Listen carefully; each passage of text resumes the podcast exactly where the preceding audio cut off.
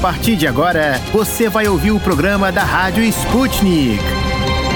Olá, queridos ouvintes. Meu nome é Ana Liv Esteves e eu tô aqui com o meu colega Pablo Rodrigues para comandar mais um programa da Rádio Sputnik diretamente de Moscou. Saudações, ouvintes. Agradecemos muito a sua audiência nesta quinta-feira, 27 de janeiro. Começamos o nosso giro diário de notícias lá no Brasil, onde o governo ofereceu reajuste salarial de 7,5% para os professores do ensino básico. O valor ficou bem abaixo do estipulado pelo cálculo da lei do FUNEB, que garantiria 33,23% de reajuste para a categoria. O governo federal justificou sua posição, dizendo que usa uma nova versão do FUNEB para calcular o reajuste. Os sindicatos da categoria não acatam a justificativa do Palácio do Planalto e avisaram que vão judicializar o assunto. Em resposta, o presidente Bolsonaro disse que vai conceder o reajuste, aspas, no máximo que a lei permite, o que seria próximo dos 33%. Vamos ver como fica o diálogo entre o presidente e sua equipe econômica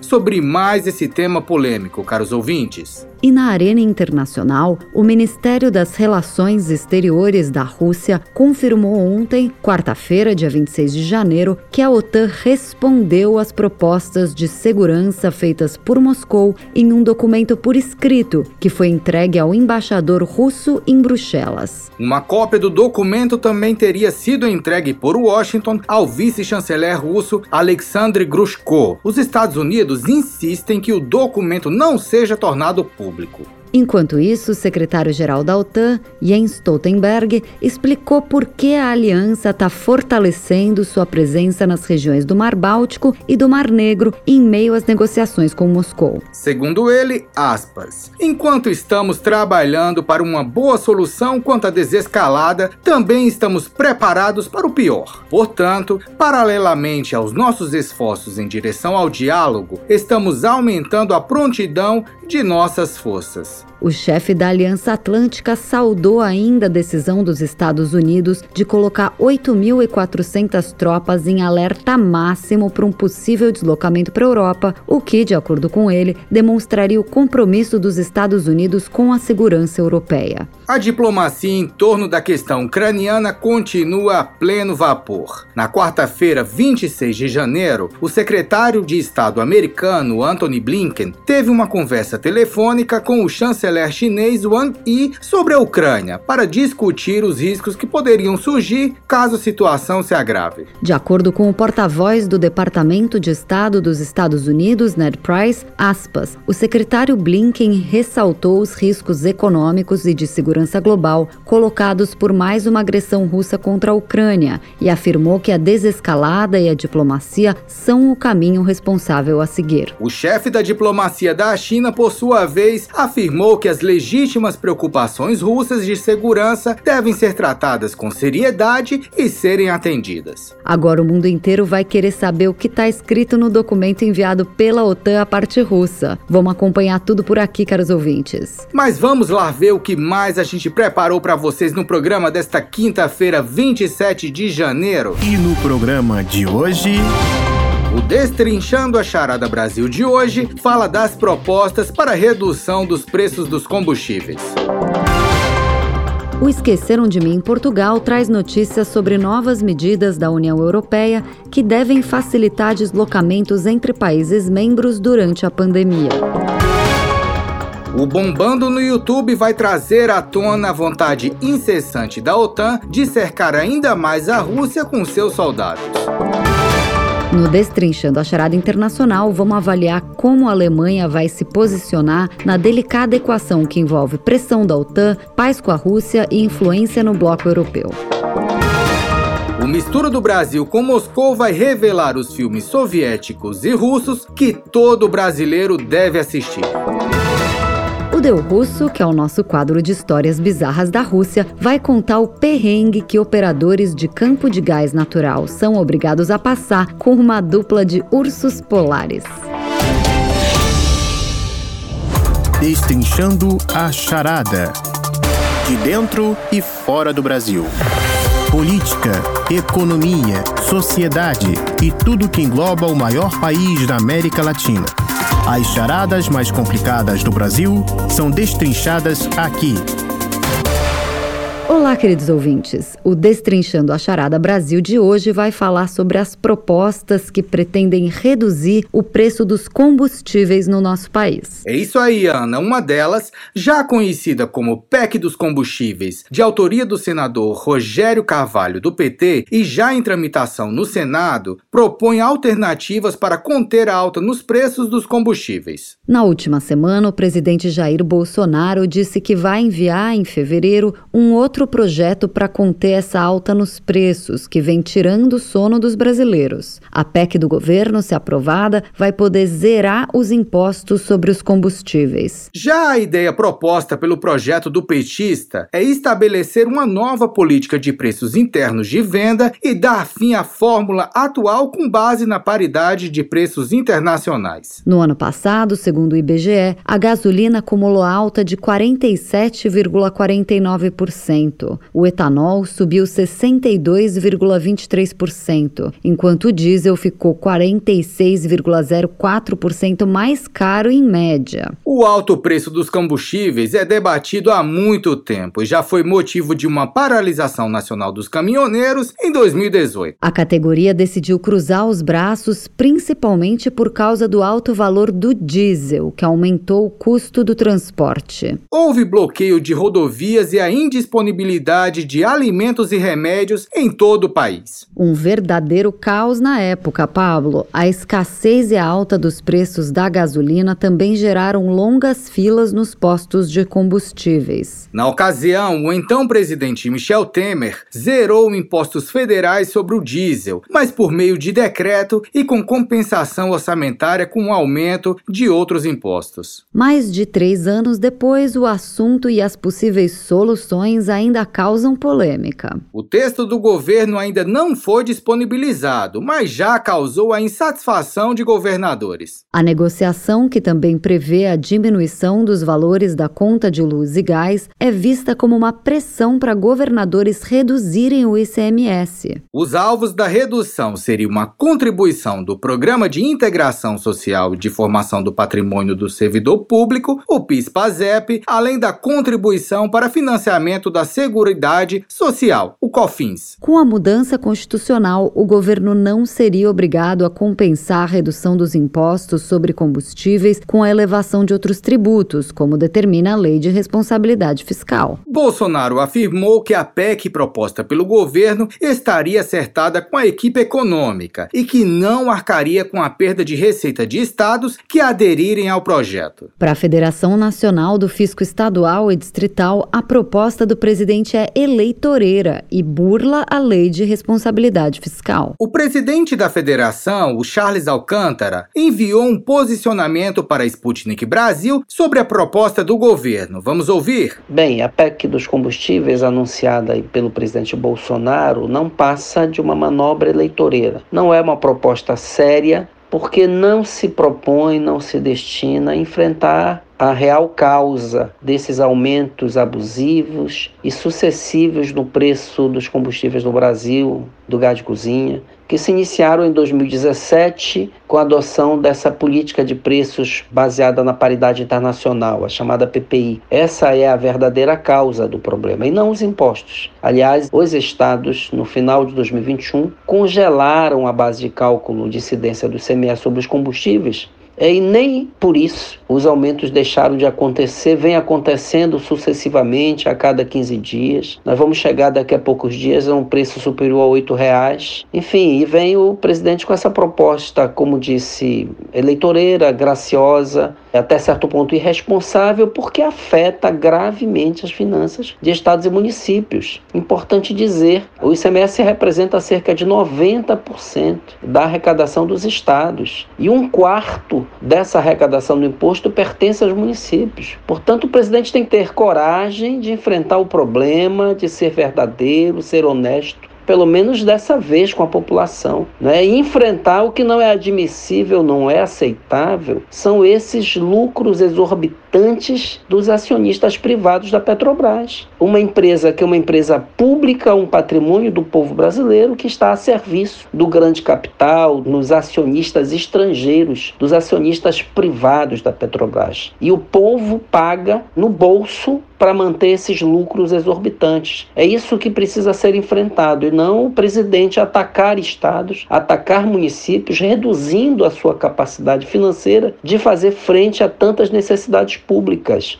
principalmente no momento tão importante, tão grave no país de aumento da fome, aumento do desemprego, né, necessidade de investimento em saúde pública. Enfim, são tantos problemas e o presidente o que propõe? Atacar estados e municípios, responsabilizar, culpabilizar governadores e prefeitos por um problema que ele, como presidente, tem a obrigação e deve ter a hombridade e a coragem de resolver. São propostas de políticos de campos opostos que devem rivalizar nas eleições de 2022. O PT do ex-presidente Lula e Bolsonaro, candidato à reeleição. E em ano eleitoral, todos pensam em como suas ações vão repercutir junto aos eleitores, ainda mais em um projeto que mexe direta ou indiretamente com o bolso de todos os brasileiros. Para entender um pouco mais sobre como esse cenário pode afetar a tramitação dos projetos, convidamos a cientista política e professora da Universidade Federal do Estado do Rio de Janeiro, Clarice Gurgel. Olá, Clarice,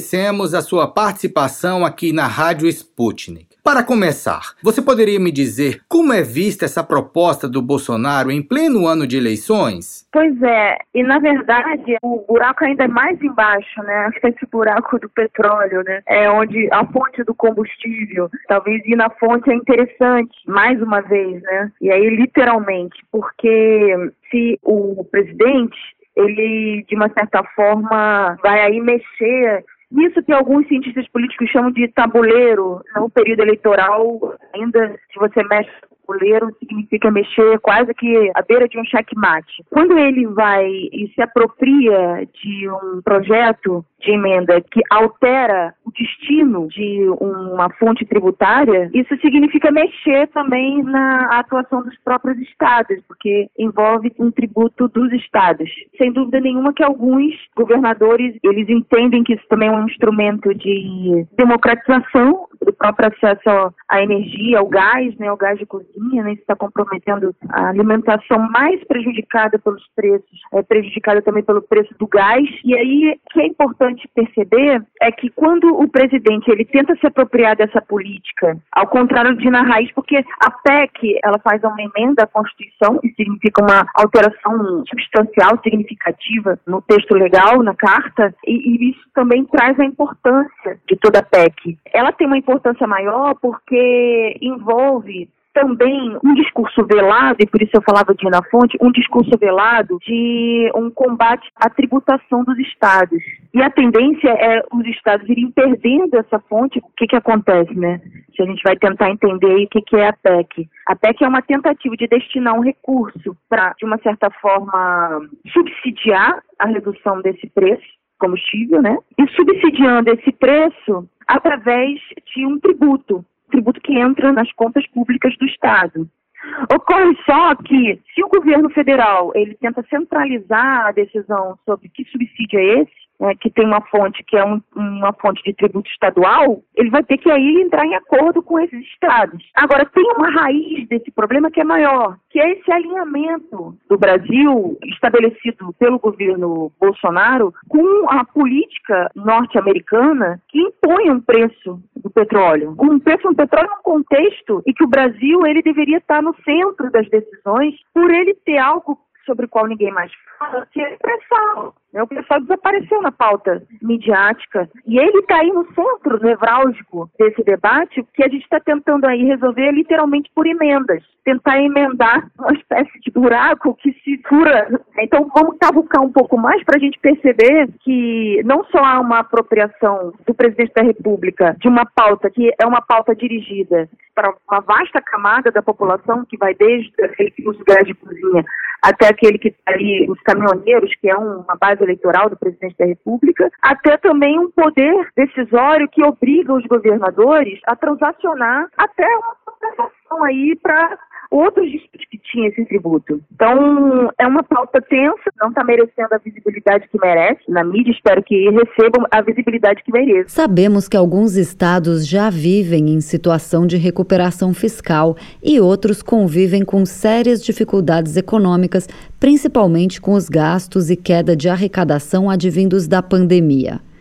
Esse seria um dos motivos dos governadores se mostrarem tão contrários a essa PEC do governo? Esse é o ponto aí que explica. É interessante como que o nome do problema explica a razão de tudo isso. Na verdade, essa lei de responsabilidade fiscal, ela é, como já se disse aí publicamente por figuras bem mais importantes que eu, é uma perversidade, porque sufoca os estados e obriga os estados a se submeterem a uma lei que não tem nem base real porque recursos tem. Ocorre, porém, estado como o Rio de Janeiro, que era riquíssimo, agora está aí as línguas e a beira da falência ao ponto da gente falar de estados com potencial enorme que inauguram esse fenômeno, que não é um fenômeno do setor público, que é a falência, a declaração de falência. Um estado não pode falir, um estado não pode falir, até porque ele é constituído, né, e não à toa ele tem uma constituição, ele é constituído por um povo, por um território, por uma cultura, né, mesmo que tensionado, mas sim. Então, você não pode fazer com que essa estrutura que sustenta, inclusive através de serviços, né? E aí o ICMS nada mais é do que algo que envolve um serviço que não é público, é um serviço privado, mas essa estrutura que sustenta um serviço não pode ruir, porque não obedece a uma lei que tem como principal finalidade criar uma espécie de banco, um banco reserva ou um orçamento paralelo, né? Já que está na moda falar disso, um orçamento paralelo para pagar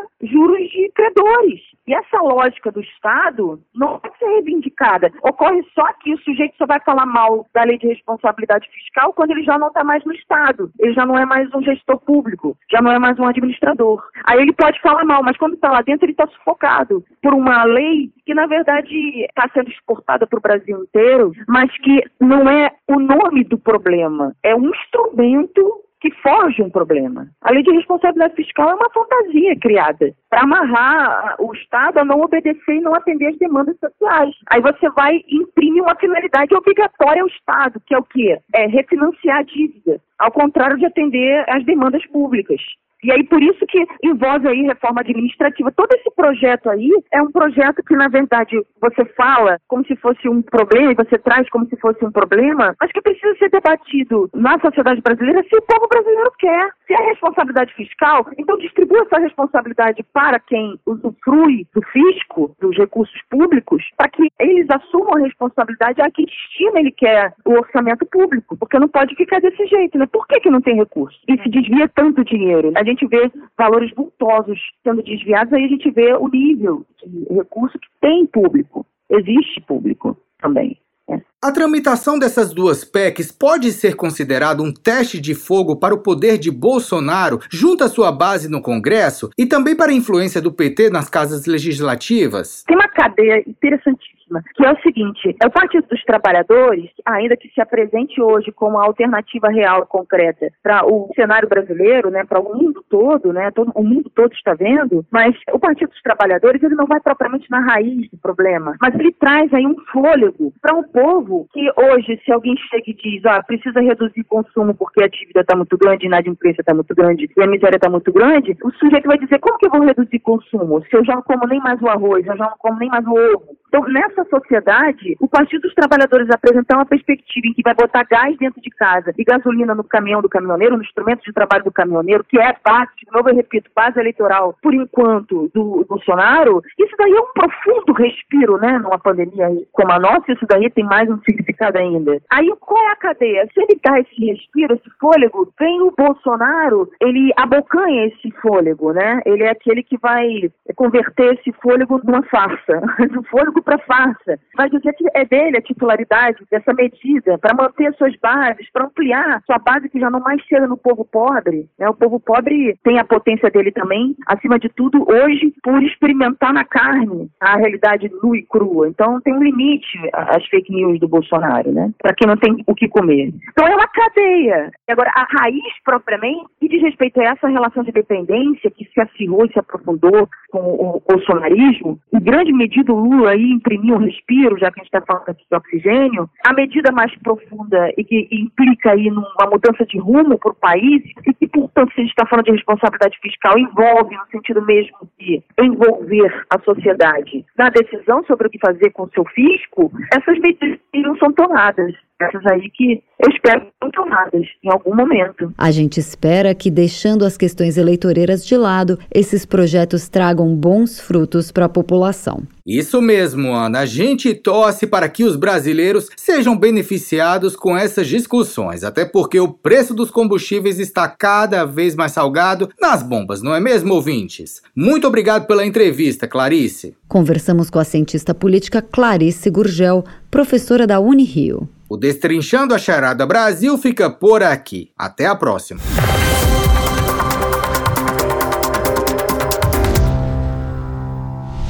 Esqueceram de mim em Portugal.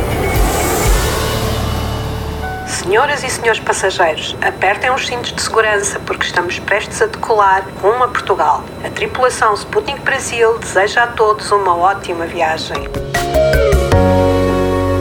Nessa quinta-feira, 27 de janeiro, a nossa correspondente Luísa Ramos conta sobre as viagens realizadas pelos portugueses. E traz também informações que devem facilitar o deslocamento dentro da União Europeia. Chega mais, Luísa! Olá, Pablo e Ana e ouvintes da Sputnik. Tô chegando, Pablo, para contar que os residentes portugueses fizeram nada mais, nada menos do que 7 milhões e 700 mil viagens no verão passado aqui no Hemisfério Norte, ou seja, entre julho e setembro de 2021. A quantidade chega mais perto dos números pré-pandemia, lá de 2019, quando foram realizadas um milhão de viagens a mais. Estas 7,7 milhões de viagens representam um aumento de 21,3% em comparação ao mesmo período, ou seja, o verão de 2020, e foi também o máximo de viagens alcançadas pelas pessoas que moram em Portugal durante o andamento da pandemia. Dentro desse aumento, segundo o Instituto Nacional de Estatística, o INE, a grande maioria das viagens foi feita dentro do país 94,1% em regime de lazer, recreio ou férias. Os dados revelam, portanto, uma provável compensação da população portuguesa após os rígidos confinamentos e restrições ao longo de 2020, quando ainda não havia vacina, destacando também a escolha de evitar grandes deslocamentos e aproveitando as belezas do território nacional. A média de duração das viagens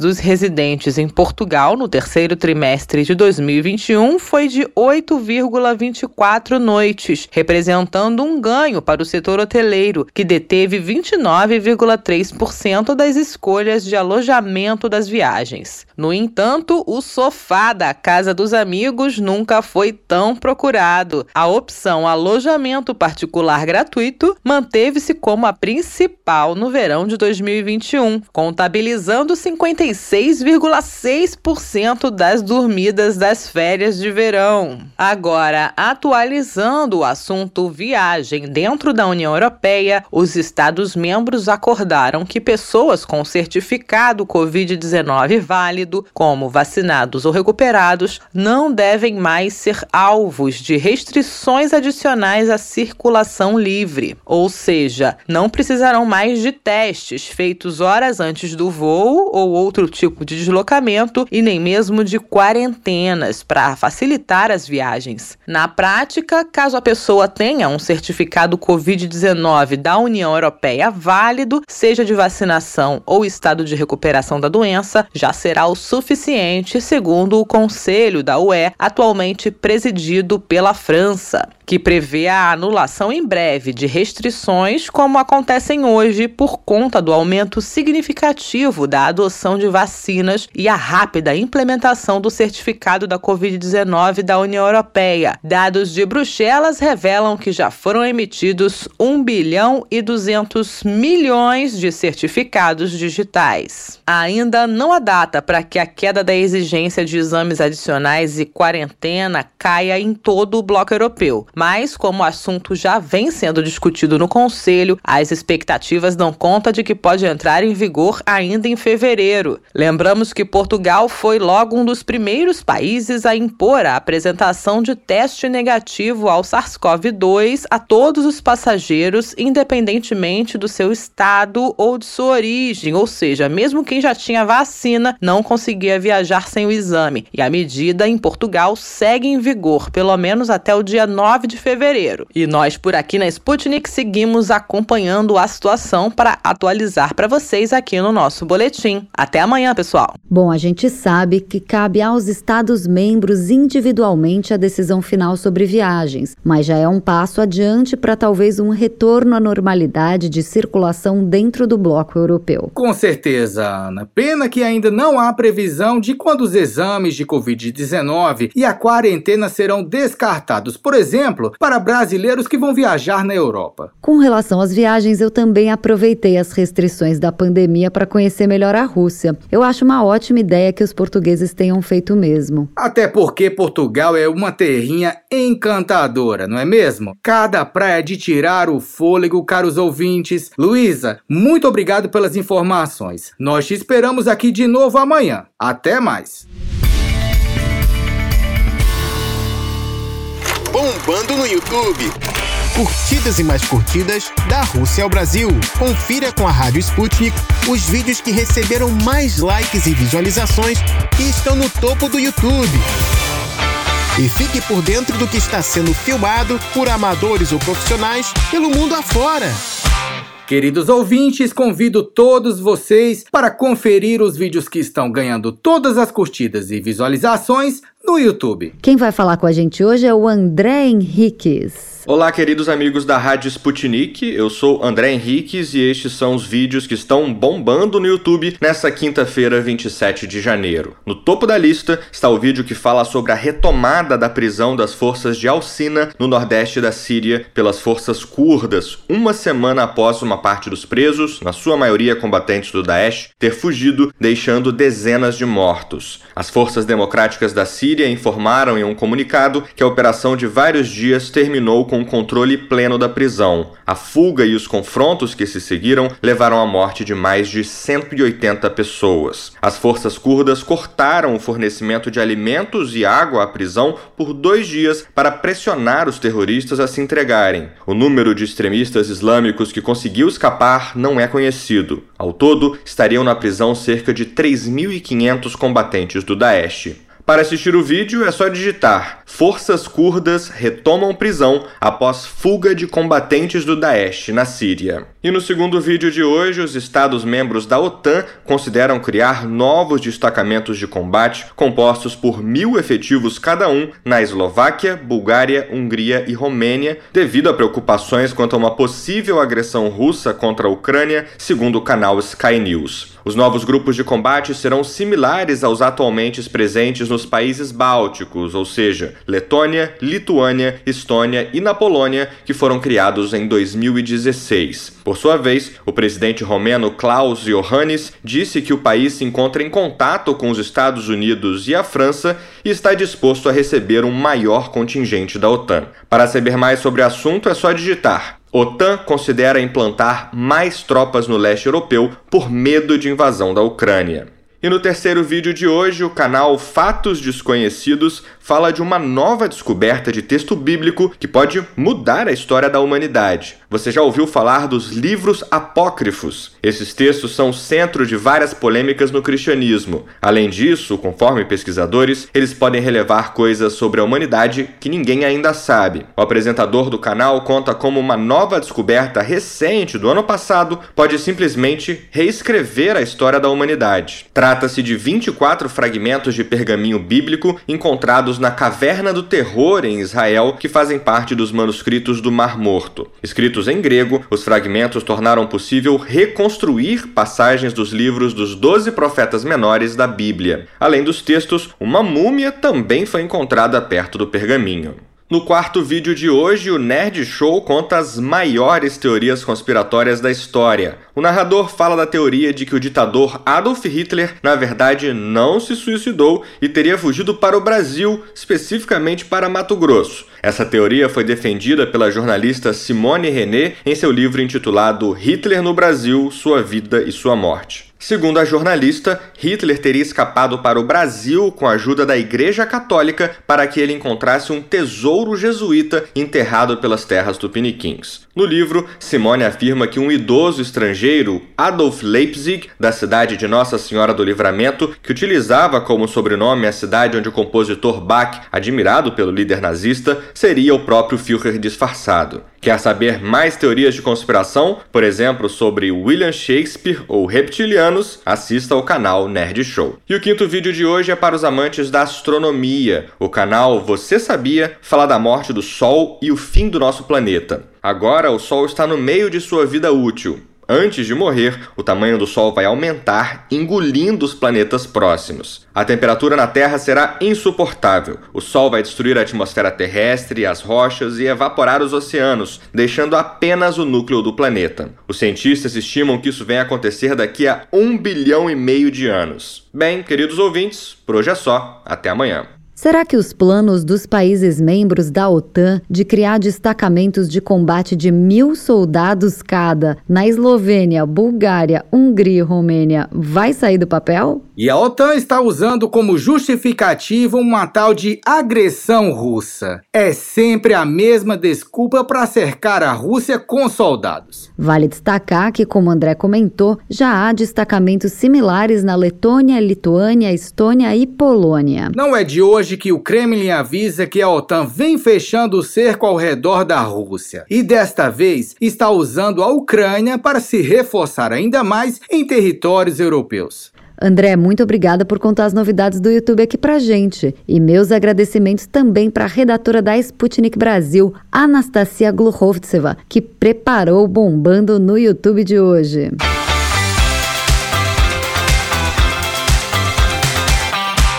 Destrinchando a charada. Encruzilhada Internacional relações políticas, socioeconômicas e muito mais entre as nações deste mundão. Da Rússia aos Estados Unidos. Encontre com a gente as respostas às perguntas do momento.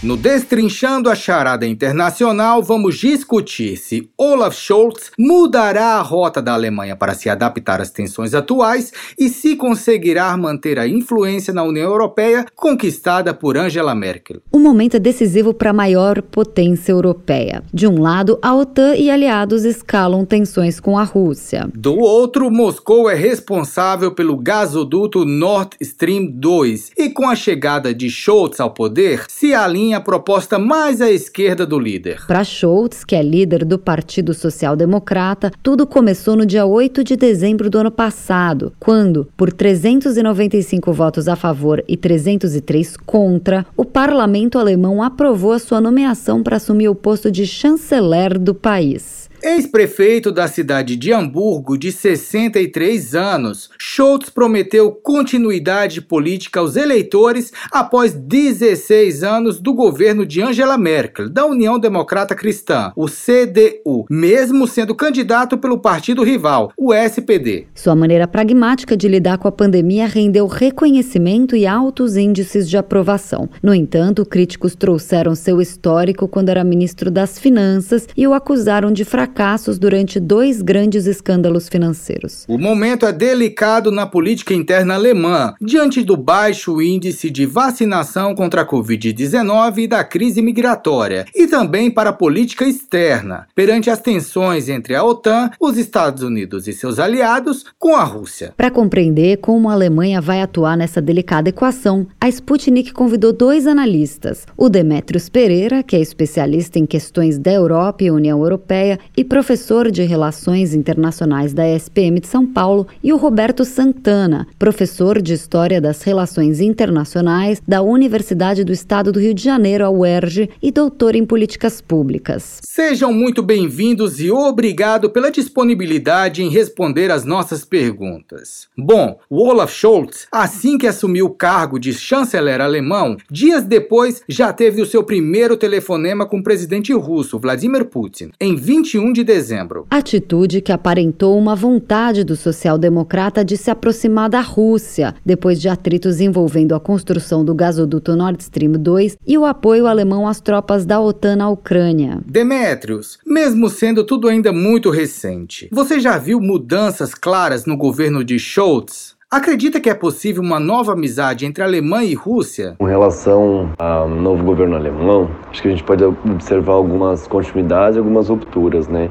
Eu acho que uma mudança que pode ser destacada é um governo mais à esquerda. Então, Merkel mais à direita e ele mais à esquerda. E uma das características que são observáveis em políticas externas é, de governos mais à esquerda é uma aproximação com países como a Rússia, a China, que são países assim que já foram lá na época da divisão, da Guerra Fria, né, da época do socialismo. Então a gente observava isso inclusive aqui no Brasil, né, com o governo Bolsonaro, um distanciamento talvez dos BRICS, por exemplo. E no governo Lula, Dilma, uma aproximação desse grupo de países. Eu diria que um dos fatores a influenciar isso é um governo mais à esquerda que tende a se aproximar, sim, da Rússia, do Putin. E você concorda, Roberto Santana? Considerando as relações Rússia-Alemanha e as questões políticas no momento, você enxerga a possibilidade de estreitamento da amizade Berlim-Moscou daqui para frente? A relação entre Alemanha e Rússia, acredito que ela continuará sendo uma relação de tensionamento, porque a Alemanha, como liderança da União Europeia e, portanto, um ator político importante do Ocidente, da OTAN, ela sofre pressões, portanto, dos Estados Unidos quanto dos países do leste europeu para uma postura mais dura com a Rússia. Ao mesmo tempo, ela tem os seus interesses numa relação mais amena com Moscou. Um dos casos é o gasoduto, né, o Nord Stream 2, que é um gasoduto que sai da Rússia e leva esse gás russo diretamente ao território alemão, passando por baixo do Mar Báltico. Ao contrário dos outros gasodutos que existem, a maior parte dos outros gasodutos que saem da Rússia, que vendem o gás russo para a Europa, eles passam pelo território de outros países. Países do leste europeu, vários deles que têm péssimas relações com a Rússia, Ucrânia e Polônia, por exemplo. Também os países do Báltico, como Lituânia, Letônia. Então, o Nord Stream 2, ele tem um interesse tanto russo, mas também é do interesse alemão porque o gás russo é necessário na Europa para a calefação, ou seja, para o aquecimento das casas, principalmente no inverno. E da Alemanha, obviamente, esse gás será redistribuído para outras partes do território europeu. Então há um interesse do capital alemão de manter boas relações com a Rússia. É claro que também há a pressão do outro lado, por parte dos Estados Unidos e de outros países do leste que não querem que a Alemanha tenha boas relações com a Rússia e não queriam sequer que o Nord Stream 2 existisse, porque queriam que todos os gasodutos passassem pelos seus territórios, esses países do leste europeu, porque aí eles ganham em forma de impostos para os russos e para os alemães. A Alemanha ela tem que se equilibrar na sua relação com a Rússia, tanto das pressões que ela sofre de um lado, quanto seus interesses em ter uma paz na Rússia. Agora é importante também te lembrar que o capital alemão tem uma série de fábricas, de unidades de produção em outros países, principalmente países do leste europeu. Qualquer tipo de conflito no leste europeu, principalmente que envolva uma potência mundial como a Rússia, não é interessante para os objetivos do capital alemão. Então acredito que nesse novo momento onde o Olaf Scholz assume o governo alemão, depois de 16 anos de Merkel, essa relação com a Rússia será uma relação tensionada. Certo, professor Roberto Santana. Quando houve a mudança na chancelaria alemã, muito foi falado sobre continuidade, porém recentemente o jornal Le Monde falou em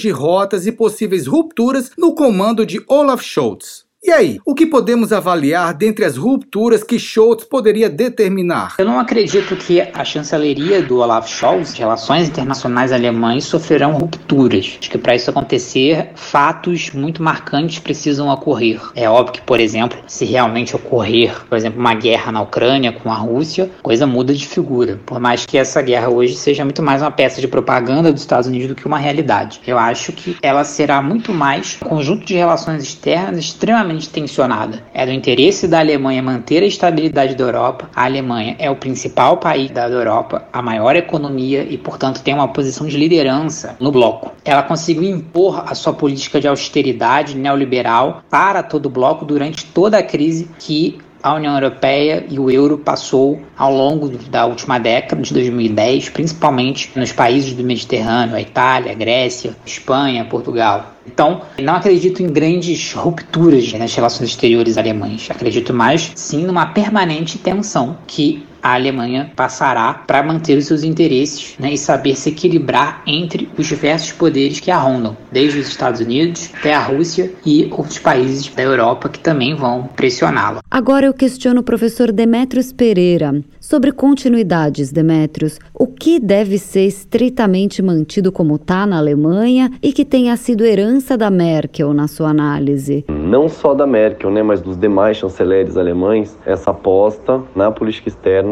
em relação à continuidade da integração europeia, uma liderança muito grande da própria Alemanha, especialmente é, a influência alemã aumentou muito depois da reunificação em 1990. Né? Então a Alemanha já era, já tinha uma posição de liderança e reforçou isso com a reunificação lá com queda do Muro de Berlim, fim da Guerra Fria, etc. Então Claro que a Angela Merkel consolidou isso, não era algo né, exclusivamente dela, era algo que ela, ela herdou também, mas ela passa essa herança também para o novo governo. Obrigado, Demetrios. Agora eu gostaria de saber do professor Roberto Santana sobre essa temática. Você acha que a responsabilidade da Alemanha deve ser mantida com Scholz como liderança do bloco? E o que a Alemanha deve manter como padrão de continuidade pós-governo Merkel? A Alemanha, como principal economia, ela manterá essa posição posição responsabilidade agora do Olaf Scholz comandar né, essa posição de liderança que a Alemanha tem na União Europeia. Isso leva o Estado alemão a ter que lidar com as diferentes contradições que existem na Europa e saber se projetar para o mundo, porque o fato da Alemanha ser a liderança da União Europeia, ser a, a principal economia do bloco, faz com que ela tenha uma participação na agenda internacional muito maior do que ela teria se estivesse sozinha. A Alemanha, por si sozinha, não teria o espaço nas agendas internacionais internacionais que ela tem se ela não fosse reconhecida como a liderança europeia. Claro que essa liderança, digamos, é, é uma liderança bipartida com a França, mas a França está atrás da Alemanha. E há eleições presidenciais na França nesse ano de 2022, onde o presidente Macron tentará a reeleição e onde há um grande perigo de vitória da extrema-direita também. Essa também deve ser uma das continuidades na chancelaria alemã. Mesmo a mudança da Merkel para o Scholz, há uma posição de enfrentamento a essa extrema-direita. E também no campo da política migratória. A Merkel sempre foi advogada de um controle migratório, mas de portas abertas. A Alemanha tem um contingente de imigrantes muito forte, tem uma colônia turca, por exemplo, imensa. A Merkel sempre advogou para que a União Europeia recebesse e dividisse entre os diversos estados as populações que vinham do norte da África, do Oriente Médio, fugindo de conflitos, da pobreza. Importante ressaltar aqui conflitos que foram apoiados, realizados né, com o apoio da União Europeia. Acredito que a Alemanha, ela, como shows, ela vai manter essa política de apoio ao acolhimento de imigrantes, uma oposição à extrema direita, uma oposição a esse discurso anti-vacina, anti-imigração, que é tão forte na extrema direita europeia nesse momento. Verdade temas muito vivos no momento: a migração e as questões que envolvem a situação pandêmica vigente. E você acha que a posição da Alemanha pode ficar abalada sem Merkel na liderança do bloco europeu, professor Roberto? Eu não acho que a posição da Alemanha enquanto liderança da União Europeia fique abalada com a saída da Merkel. Agora, é claro que pela posição que a Alemanha tem hoje na União Europeia, o Scholz terá que se provar que está à altura da posição. Né, que vai estar à altura do seu lugar. Ele que tem que demonstrar que ele tem a habilidade de manter a Alemanha nessa posição que ela adquiriu né, de liderança da União Europeia e, com isso, uma força nas negociações globais, inclusive para fora da Europa. A gente pode pensar, por exemplo, o acordo nuclear com o Irã,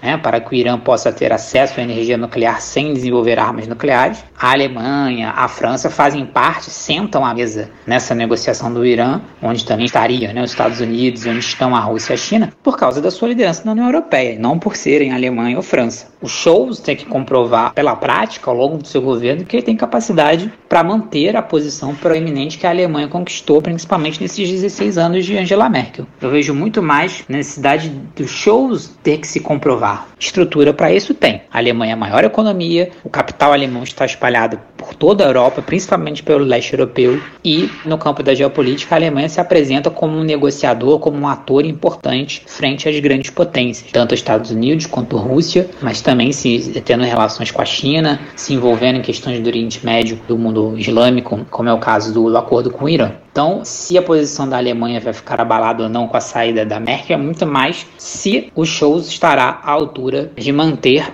essa proeminência que a Alemanha adquiriu nos últimos anos. Ainda falando na Merkel, professor Santana, semana passada ela não aceitou uma oferta para assumir cargo na ONU. O que pode significar essa postura politicamente? Não sei sobre os interesses da Angela Merkel agora que ela não é mais a primeira-ministra alemã. O que me pareceu a sua saída foi justamente um momento de estafa, de cansaço. Ela renegou uma série de convites que foram feitos a ela, e é bom lembrar que nos últimos anos, ao que parece, a Angela Merkel já apresentava alguns problemas de saúde. Ela chegou em alguns momentos, inclusive frente às câmeras, demonstrar uma certa fraqueza, debilidade, em permanecer em pé por muito tempo que é normal pela idade que ela avançou e, claro, pelo trabalho dia e noite que um chefe de Estado, ainda mais na Alemanha, tem. Acredito, por tudo isso que foi demonstrado nos últimos anos, que ela não aceitar o convite para trabalhar na ONU. Me parece que a ex-premier Angela Merkel quer umas merecidas férias depois de 16 anos à frente do governo alemão. Agora vamos aguardar mais alguns tempos se isso é uma retirada definitiva da Angela Merkel da vida pública, da política, ou se é apenas um intervalo e se no futuro ela reaparecerá com outras ambições ou outras posições. No momento, eu acho que Angela Merkel vai descansar e a gente vai passar um tempo sem ouvir falar muito nela. Agradecemos também mais uma vez pela participação de Demetrios Pereira, professor de Relações Internacionais da ESPM de São Paulo. Agradecemos muito as suas análises detalhadas e esclarecedoras, professor. Esse foi Roberto Santana, professor de História das Relações Internacionais da UERJ e doutor em Políticas Públicas. A entrevista de hoje foi produzida pela Luísa Ramos e o texto editado por Yasmin Scali. Vocês, caros ouvintes, podem ler o texto lá no nosso site. Basta acessar br.sputniknews.com e clicar nas últimas atualizações do panorama internacional, ou então digitar as palavras-chave Alemanha e política externa na busca. A nossa entrevista do Destrinchando a Charada Internacional de hoje vai ficando por aqui, caros ouvintes. Até mais.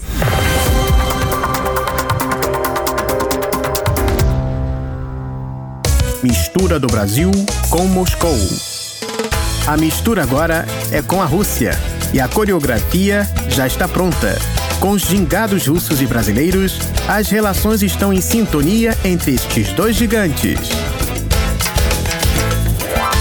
A Rádio Sputnik vai bater um papo com o estudante de cinema Kevin Dark e pegar dicas dos melhores filmes soviéticos e russos que todos os brasileiros devem assistir. Antes de saber quais são as dicas do Kevin, vamos conhecer ele um pouquinho melhor, caros ouvintes. Olá, Kevin! É um prazer contar com a sua presença no programa da Rádio Sputnik. A situação pessoal aí da Rádio Sputnik. Me chamo Kevin, tenho 24 anos, sou de São Paulo, mais precisamente de Santo André, do Paulista. Kevin, você estuda cinema na Rússia, correto? Há quanto tempo e onde você mora? Eu estou na Rússia já há quatro anos, completando o quarto ano. Moro em Kazan, que é a capital do Tataristão. É uma região um pouco mais no interior da Rússia não é tão centralizada, é um pouco mais. É um outro povo, né? Uma das repúblicas que existem dentro da Rússia. E por que você escolheu a Rússia para estudar, Kevin? O que influenciou sua decisão de se mudar do Brasil? Eu vim estudar cinema, basicamente. é o que eu sempre quis fazer, na verdade. Eu sempre fugi um pouco disso, mas é o que eu sempre quis estudar.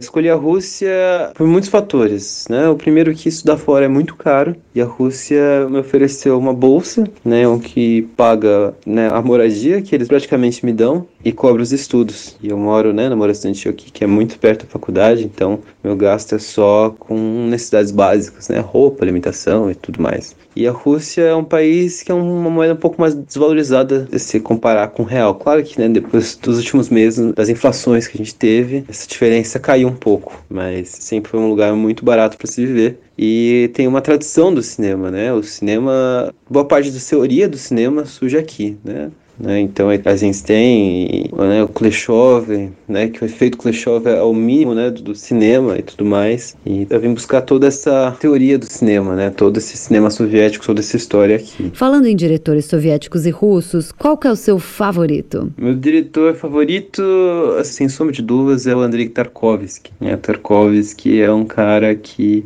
não tem defeito. O negócio é incrível, assim. É uma poesia em forma de filme. É claro que também gosto também do Eisenstein, assisto bastante também o Ziga Vertov, as experimentações que ele faz. Kuleshov, eu assisto algumas coisas dele, mas de longe o Andrei Tarkovsky, ele é o cara, assim, né? O que é bem interessante que ele é uma pessoa que passeou um pouco na vida ali, né? Ele entrou na, na faculdade de, de, cinema de Moscou só na quarta tentativa e depois ele se torna mundialmente famoso porque ele faz é, filmes muito profundos, assim, principalmente com muita filosofia, muitas questões, muitas questões internas do ser humano. E o cara, enquanto o poeta usa a caneta para fazer poesia, ele usa a câmera. Eu acho que é isso que eu consigo definir o Tarkovsky. Considerado por muitos como o maior diretor da Rússia, o Andrei Tarkovsky concluiu apenas sete longas-metragens, mas todos são geniais e imperdíveis. Todas as obras são explorações metafísicas e espirituais da humanidade, e cada filme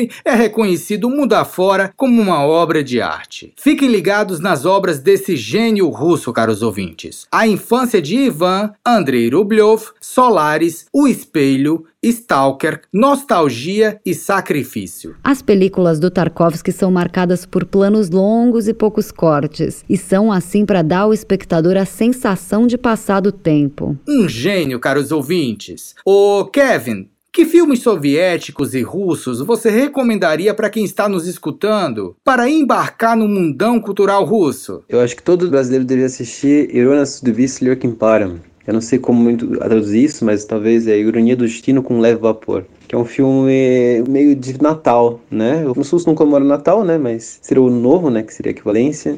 E para mim é um filme leve, gostoso de assistir e assim, eu acho que é o básico, é um dos poucos russos que não é tão denso assim, e é gostoso de assistir. Depois disso, eu penso que é Sud Batilavek, que é um filme já mais pesado, mas muito forte, muito interessante para entender o sentimento russo, o sentimento que a gente acha que os russos gostam de guerrear e é isso, mas o que, que representa a guerra para eles? Acho que é interessante, esse filme está bem ilustrado. O terceiro filme, sem dúvida, é o Stalker. Não tem tradução, Stalker, é Stalker mesmo, ele vem de um livro. Já o Stalker já é o nível 3, vamos dizer assim, um pouco mais avançado. É um filme bem mais denso, que tem muita filosofia no meio, tem muita crítica, muita uma acidez assim nas críticas e faz isso com muita suavidade. É esse último é do Andrei Tarkovsky, né, que eu citei anteriormente. Para mim, esses são os três filmes para ingressar no cinema soviético. Anotem as dicas do Kevin, caros ouvintes. Ironia do Destino, O Destino de um Homem e Stalker. Todos eles podem ser assistidos no YouTube com legendas em inglês no canal da Mosfilme.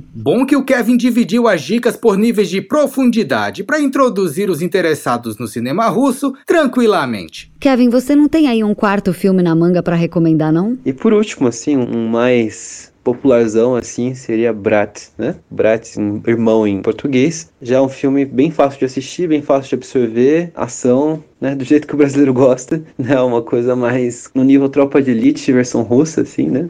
E o Brat ele retrata a vida, né, a vida da Rússia depois da queda da União Soviética, né? Então a Rússia tem um momento aí de transição que na verdade acaba com muita violência, assim, né? Se eu não me engano, eu li que talvez em Tula, é o Kaluga, não lembro, tinha uma taxa de homicídio de 100, assim, né? Algo maior do que uma das cidades mais violentas do Brasil. Ou seja, naquele momento tinha cidades na Rússia que era mais violenta do que qualquer cidade do Brasil. Então, para conhecer um pouco mais essa parte da história, acho que esses quatro filmes são ótimos para a gente entender. Kevin, que bom essa recomendação. Olha só, não faz muito tempo que eu assisti ao filme Brat, recomendado por você. Dá para encontrá-lo, queridos ouvintes, na Netflix com legenda em inglês. Sem contar que quem gostar da primeira parte, ainda há uma segunda que se chama Brat 2. Kevin, muito obrigada pelas dicas cinematográficas. Mas mudando um pouquinho de assunto, você dá aula de russo para brasileiros? Onde os interessados em aprender russo podem te encontrar para estudar esse idioma, Kevin? E para os ouvintes que estiverem interessados né, em conhecer mais dessa cultura maravilhosa, dessa língua e por aí vai, eu dou aula de russo para brasileiros. Vocês podem me encontrar pelo telefone, WhatsApp, também Telegram mais 7 996 366 5705. É necessário colocar o mais 7 na frente, porque esse é o DDI da Rússia. Vocês podem encontrar também pelas redes sociais, arroba Volianico, V-O-L-Y-A, e Nico, N-I-K-O. Você pode encontrar no Facebook, manda mensagem lá que eu respondo. Ou, né, se digitar no Facebook aulas de russo, eu tenho lá o meu projeto que é o Pairli, aulas de russo. Né? O Pairli está escrito em russo, mas aula de russo está escrito em português. Você pode dar uma olhada lá. E basicamente é isso. abraço, tchau, tchau. Fechou, galera! Quem quiser dar uma viajada pelo idioma russo, é só buscar por Kevin Dark, que estuda cinema em casa. Kevin, um abraço! Siga a Sputnik Brasil no Twitter para sempre estar por dentro das notícias mais importantes do momento.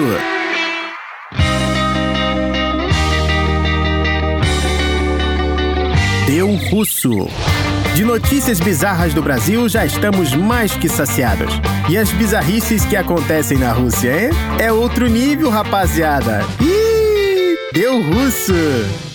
Se vocês pensam, queridos ouvintes, que a insistência é uma característica exclusivamente humana, sentem aí que lá vem história. Em um campo de gás natural no distrito autônomo Yamalonenets, no extremo norte russo, dois ursos polares começaram a encher a paciência dos operadores. Os operadores não conseguiam nem sair dos seus dormitórios, porque a dupla de ursos polares ia atrás deles. Estava insuportável a situação, caros ouvintes. Os dois grandes ursos não deixavam os operadores nem dormir. Eles ficavam batendo na janela por causa de atenção. Já não basta ter que trabalhar aguentando temperaturas de menos 10 graus e com neve caindo na cara, os operadores ainda tinham que aturar dois ursos carentes. Aí já é demais, não é mesmo, ouvintes? Os operadores decidiram evacuar a dupla peluda para bem longe. E todo mundo ia ganhar com essa evacuação, né? Vamos combinar. Para transportar os dois intrusos, os operadores usaram um helicóptero e deram um filé bem suculento para cada um, colocando dentro do mimo um remedinho para que eles tirassem um cochilo. Já cambaleando, os dois ursos foram deitados em uma rede que foi acoplada a um helicóptero. Todos os operadores se despediram da dupla. Depois da evacuação da dupla insistente para uma área rica em peixes, as operações no campo de gás natural voltaram ao normal. Os operadores agora podiam sair de seus dormitórios e, melhor, conseguiam dormir a noite toda sem ser despertados por ursos nas janelas. A vida deles nunca teve tão tranquila nesse campo de gás natural, queridos ouvintes. O que é uma nevinha caindo lá fora? O que são alguns grauzinhos negativos, né? Mas a felicidade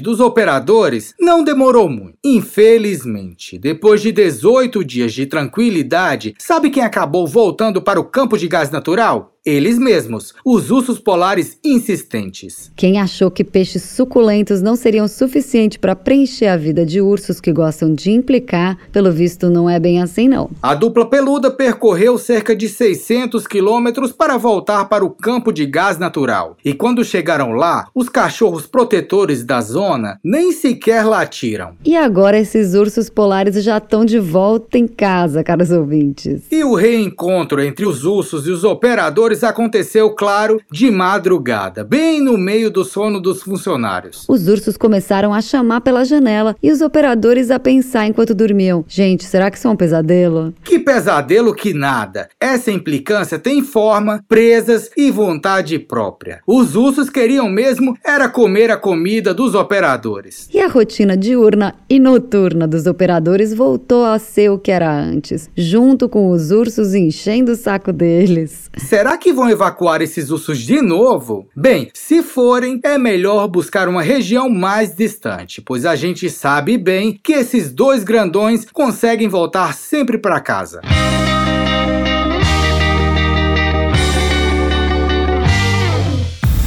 Não se esqueça de ler, curtir e comentar nossas matérias no site br.sputniknews.com. Hora de dar tchau.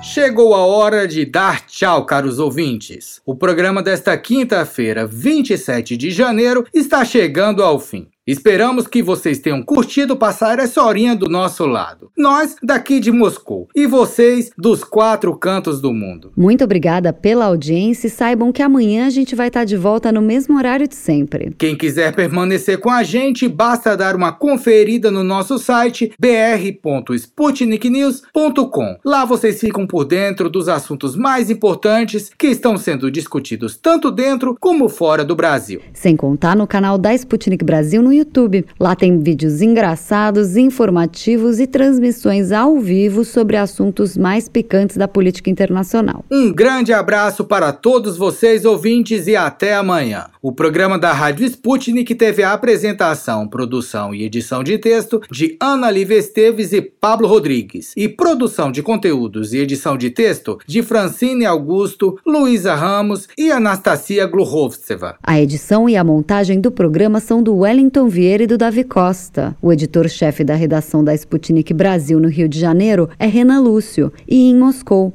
Konstantin Kuznetsov. Você acabou de ouvir mais um programa da Rádio Sputnik.